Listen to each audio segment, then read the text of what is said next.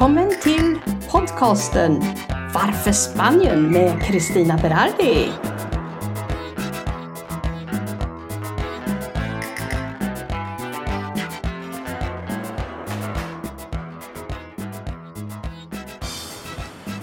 Ja, då är vi tillbaka igen med avsnitt 69 efter avsnitt 67. Ni ser hur tokigt det kan bli. För det blev ju faktiskt ett avsnitt 68 däremellan också. Hörni, idag tänkte jag prata lite grann om situationen här i Spanien. Vi går nu mot slutet av oktober. Vädret är fantastiskt. Vi har sol, blå himmel, det är varmt, skönt. Eh, springer omkring här med kortbyxor och sandaler som vanligt och kan njuta. Eh, det som eh, förmörkar himlen lite grann det är just den här coronan. Nu hörde vi igår att Frankrike stänger ner.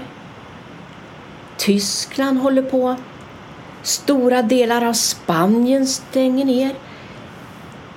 Allt för att minska smittspridningen.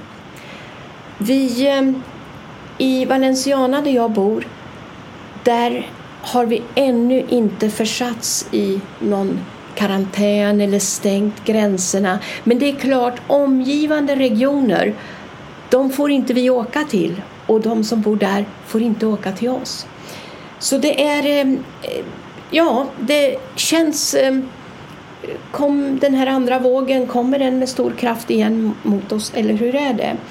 Jag ska inte uppehålla mig med det här men jag är så tacksam för jag känner mig faktiskt väldigt trygg här.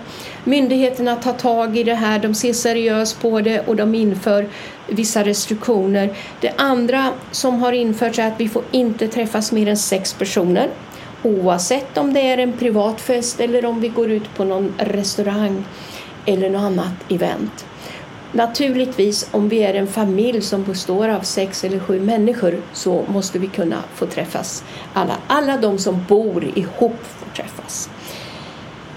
Den andra eh, saken som har inträffat är att vi har utegångsförbud från 12 på natten till 6 på morgonen. Eh, kan ju tyckas, ja men vadå 12 på natten, då sover vi ju. Ja, alla kanske inte sover. Men det här ska tydligen eh, bidra till att eh, minska smittan också. Restaurangerna får ju stänga då klockan 12, sluta servera klockan 11 på kvällarna. Och det gäller ju naturligtvis barer och sånt också. Jag funderar ju naturligtvis på hur går det här ihop med vår ekonomi här i Spanien? folk eh, blir ju lite mer jag ska inte säga rädda, men man håller sig ju mer inne, vill inte gå ut på restauranger och bara vill inte vistas eh, på varuhus och sådana här platser. Och ehm, hur blir det då med affärsverksamheten? Det, är ju, eh, det råder ju delade meningar eh, bland eh, politikerna i det här. Men oavsett så respekterar vi dessa regler. Jag tänkte också nämna att eh, jag bor ju strax söder om Torrevieja. Och i Torrevieja så finns det två saltsjöar. Det finns en blå och det finns en rosa. Och det här är ju naturreservat så man får faktiskt inte gå in på det området och man får inte bada där. Nu har det varit så under en lång tid att folk har gått dit och badat för att eh, de tycker eh, jag mår så mycket bättre, min psoriasis, min ledreumatism och vad det nu är för någonting har blivit så mycket bättre av det här. Och då undrar man ju den här saltsjön som är rosa. Hur kan den vara rosa? Jo, det finns en saltälskande räka som lever där och det är den som ger färgen vad jag har förstått. Och ibland så är den mer rosa och ibland är den mindre rosa. Och man har hållit på och utvunnit salt här sedan, ja det är i mitten av 1800-talet. Och naturligtvis alla människorna som har jobbat med det där, de har väl haft lite tid över. Och då, då har de gjort saltbåtar, små saltbåtar. Då har man tagit lite gräs och bomull och olika sådana här saker som finns i naturen runt omkring här i Saltsjön. Och sen har man byggt roder och, och emblem och man har gjort ni vet, de här masterna och alltihopa. Sånt där har man byggt sådana här båtar i de här naturmaterialen. Sen har man sänkt ner det här i Saltsjön. Och eh, jag läste någonstans att eh, de ligger där eh, några dygn och drar åt sig saltet och när de kommer upp då är de rosa. Och vad händer då? Jo, när de kommer upp i solen sen och torkas då kristalliseras det här till såna här eh, kuber på några millimeter och rosa saltet försvinner och de blir vita av solens strålar. Och de här båtarna kan man, kan man köpa på olika ställen. Och jag trodde ju att om man köper en sån där båt och har den någonstans och det kanske är fuktigt, då faller saltet ut. Men det ska det tydligen inte göra. Så det här är ju fantastiskt intressant att se vilket fint hantverksarbete de har haft under alla tiderna här. Och nu är man lite orolig för att det här ska upphöra. Så är ni här, då skulle jag vilja rekommendera er att eh, ta och titta på de här båtarna och köp gärna någon, någon också och ge bort till, till vänner och bekanta. Det var lite grann om eh, saltet här. Vi är ju kända för det. Jag trodde ju i min enfald att eh, saltet som vi ser överallt, vi ser ju stora berg av salt på vissa platser, att det har gett namnet till Costa Blanca, till den vita kusten. Men det är det inte. Det är den vita sanden. Och det har jag ju lite svårt att förstå. Men så ska det vara. Hörni, Sen läste jag lite grann här också om... Eh, vi, vi, I Sverige, i alla länder, så har man ju vissa ortsnamn och man eh, syftar då på någonting, det kommer ur någonting. Och det gör det ju naturligtvis här också. Och vi har ju olika stränder, till exempel en som heter Kala Kapitan. Och eh, kapitan, det förstår vi att det betyder kapten. Och vad betyder Kala? Ja, det betyder vik. Och då är det kaptenens vik som det betyder. Inte långt ifrån här där jag bor så finns något som heter Punta Prima och det betyder den första pricken eller spetsen kan man säga. Och det är, fick namnet för att när man tittar eh, söderut från Torrevieja då ser man att det sticker ut en bit och det är Punta Prima. Här eh, eh, i Oriela Costa finns det någonting som heter Playa Flamenca. Det är ju eh, flamländska stranden som det heter. Och det var för att eh, flamländarna kom dit för länge sedan och de drev faktiskt Spaniens första nudistcamping där vid Spanien. Så därför har det fått det namnet. Vi har ju, eh, man säger att det är en av Europas största eh, köpcentrum. Vi har La Senia Boulevard och då undrar man Senia, var kommer det ifrån? kommer från grekiskan seno och betyder främmande eller utländsk eller någonting. Och, och, det passar ju väldigt bra för det bor ju väldigt många utlänningar här. Och eh, vi har något som heter Cabo Roy, Roy eller hur man säger, jag har lite svårt att uttala det där. Och Cabo betyder ju eh, en, en, en eh, eh cape, ni vet på engelska. Och då kan man säga det som en udde som går ut här. Och det betyder den röda udden. Och där kommer namnet ifrån färgen på klipporna där vid stranden. Så det finns alltid någonting som binder namnet till någonting lokalt, precis som i Sverige. Och vi har ju en jättefin, lång, vacker, härlig strand här som heter Mil Palmeras och det betyder ju tusen palmer. Sen finns det ju ett väldigt vackert namn som heter Campo Amor Egentligen heter det Esa de Campo Amor. Och Dehesa det betyder gräsmark. Och där finns det vissa eh, trädarter också. Det finns ek och det finns även korkek. Kommer ni ihåg det med tjuren Ferdinand? Han satt under korkeken. Det har vi här. Och Campo Amor, det betyder ju då kärlekens fält. Men det är faktiskt också ett efternamn på en spansk kvinnokämpe. Hon hette Clara Campoamor. Och hon stod bakom kvinnornas rösträtt här i Spanien 1931.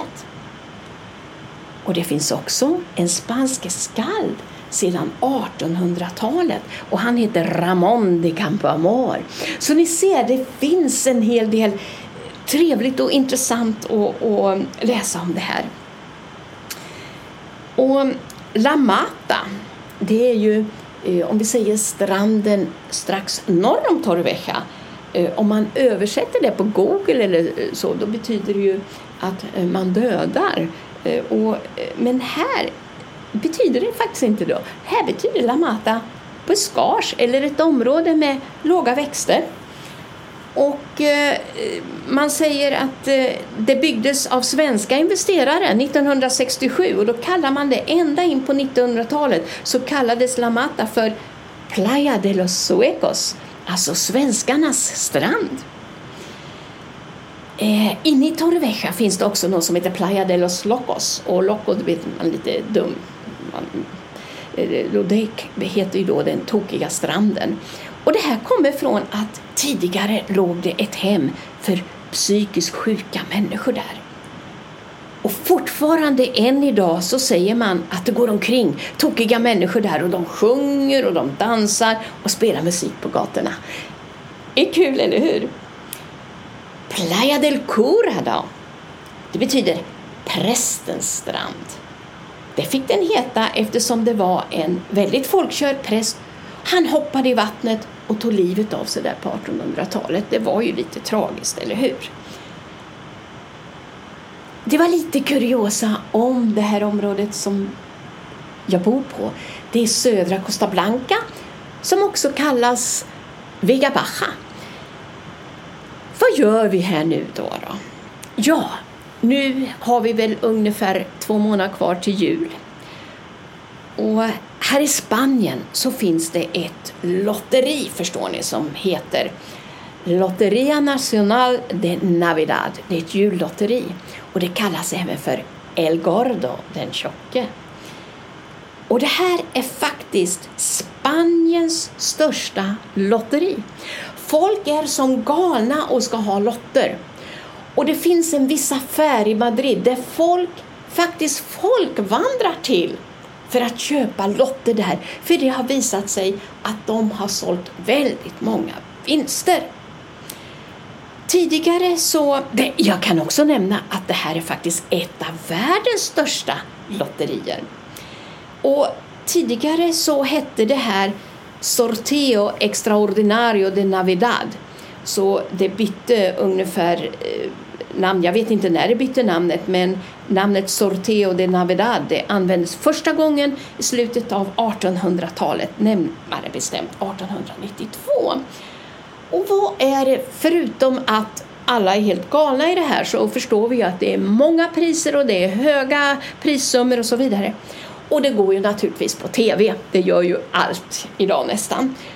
Och det är den 22 december som det här går av stapeln. Och då förstår ni, då är det barn som sjunger fram numren. Så det blir som en show med alla det här. Så alla spanjorer, man är då samlade framför TVn och med sina lotter och tittar kommer jag att vinna någonting? Och alla hoppas ju naturligtvis att de vinner någonting. Jag kan säga, det är ju också bra att köpa lotter. Jag säljer lotter via, eh, via Rotary och då kostar de här lotterna 20 euro och då tar vi 23 euro betalt. 3 euro de går direkt till något som heter Bekas Commodore och det är hjälp till familjer som inte har så mycket pengar så deras barn kan få mat i skolan och stanna kvar lite längre så att föräldrarna kan försöka jobba. Under den här pandemin, vi hade ju nedstängning av Spanien och så vidare, så har det ju lett till att det är många människor som inte har haft arbete. En del har ju fått eh, något som heter ERTE, det är ju ett speciellt arbetslöshetsersättning man har fått under den här tiden. Den är betydligt lägre än vad de är vana vid när de har haft anställning. Men ni vet, många har inte haft anställningar. Många går och säljer blommor vad har de levt på under tiden? De får ju inga pengar, de har ju familjer, de har ju barn. Så många har det väldigt svårt. Och då tycker jag det är bra att kunna gå in och sälja de här varje lott för 23 euro. 3 euro går direkt. Och jag har nu sålt, jag har sålt 40 stycken lotter. Och det känner, ja, inte jag själv, det är vi via Rotary, mest är det Gunnel Tunström och jag. Och då känns det i alla fall att det kommer fram pengar till de som behöver. Och då styrs det här faktiskt upp av kommunen, för kommunen har hundra koll på vilka är det som är de mest behövande. Och det är dit pengarna går, så det går inte till de olika välgörenhetsorganisationerna som disponerar de här pengarna till det de tycker är bäst. Och det tycker jag är bra att man styr upp på det här sättet.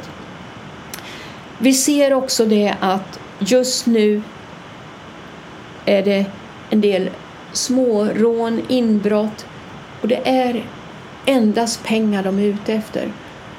En del folk låser inte lägenheterna. Kom ihåg att låsa lägenheterna. Visa inte på Facebook bilder var ni bor och hur ni har och har det. Det lockar folk att komma in, så ligg lågt med sånt. Hörni.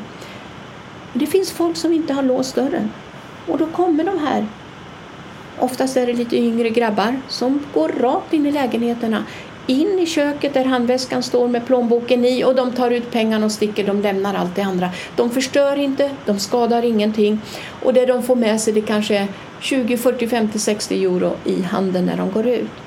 Och det här ser vi att det har ökat lite grann. Tyvärr, men låser vi och har ögonen öppna lite så här då ska vi inte kunna drabbas av något. Hörni, nu ska jag inte prata om mer tråkigheter, men vi njuter av livet. Vi känner oss säkra. Vi har det underbart här. Och jag önskar att alla ska få uppleva något positivt, att vi klarar oss från den här coronan. Vi mår bra, vi har jobb, vi tjänar pengar, vi kan få mat på bordet. Det önskar jag att alla ska få. Och därmed så tackar jag för mig och idag. Ta hand om er allihopa där ute. Hej då!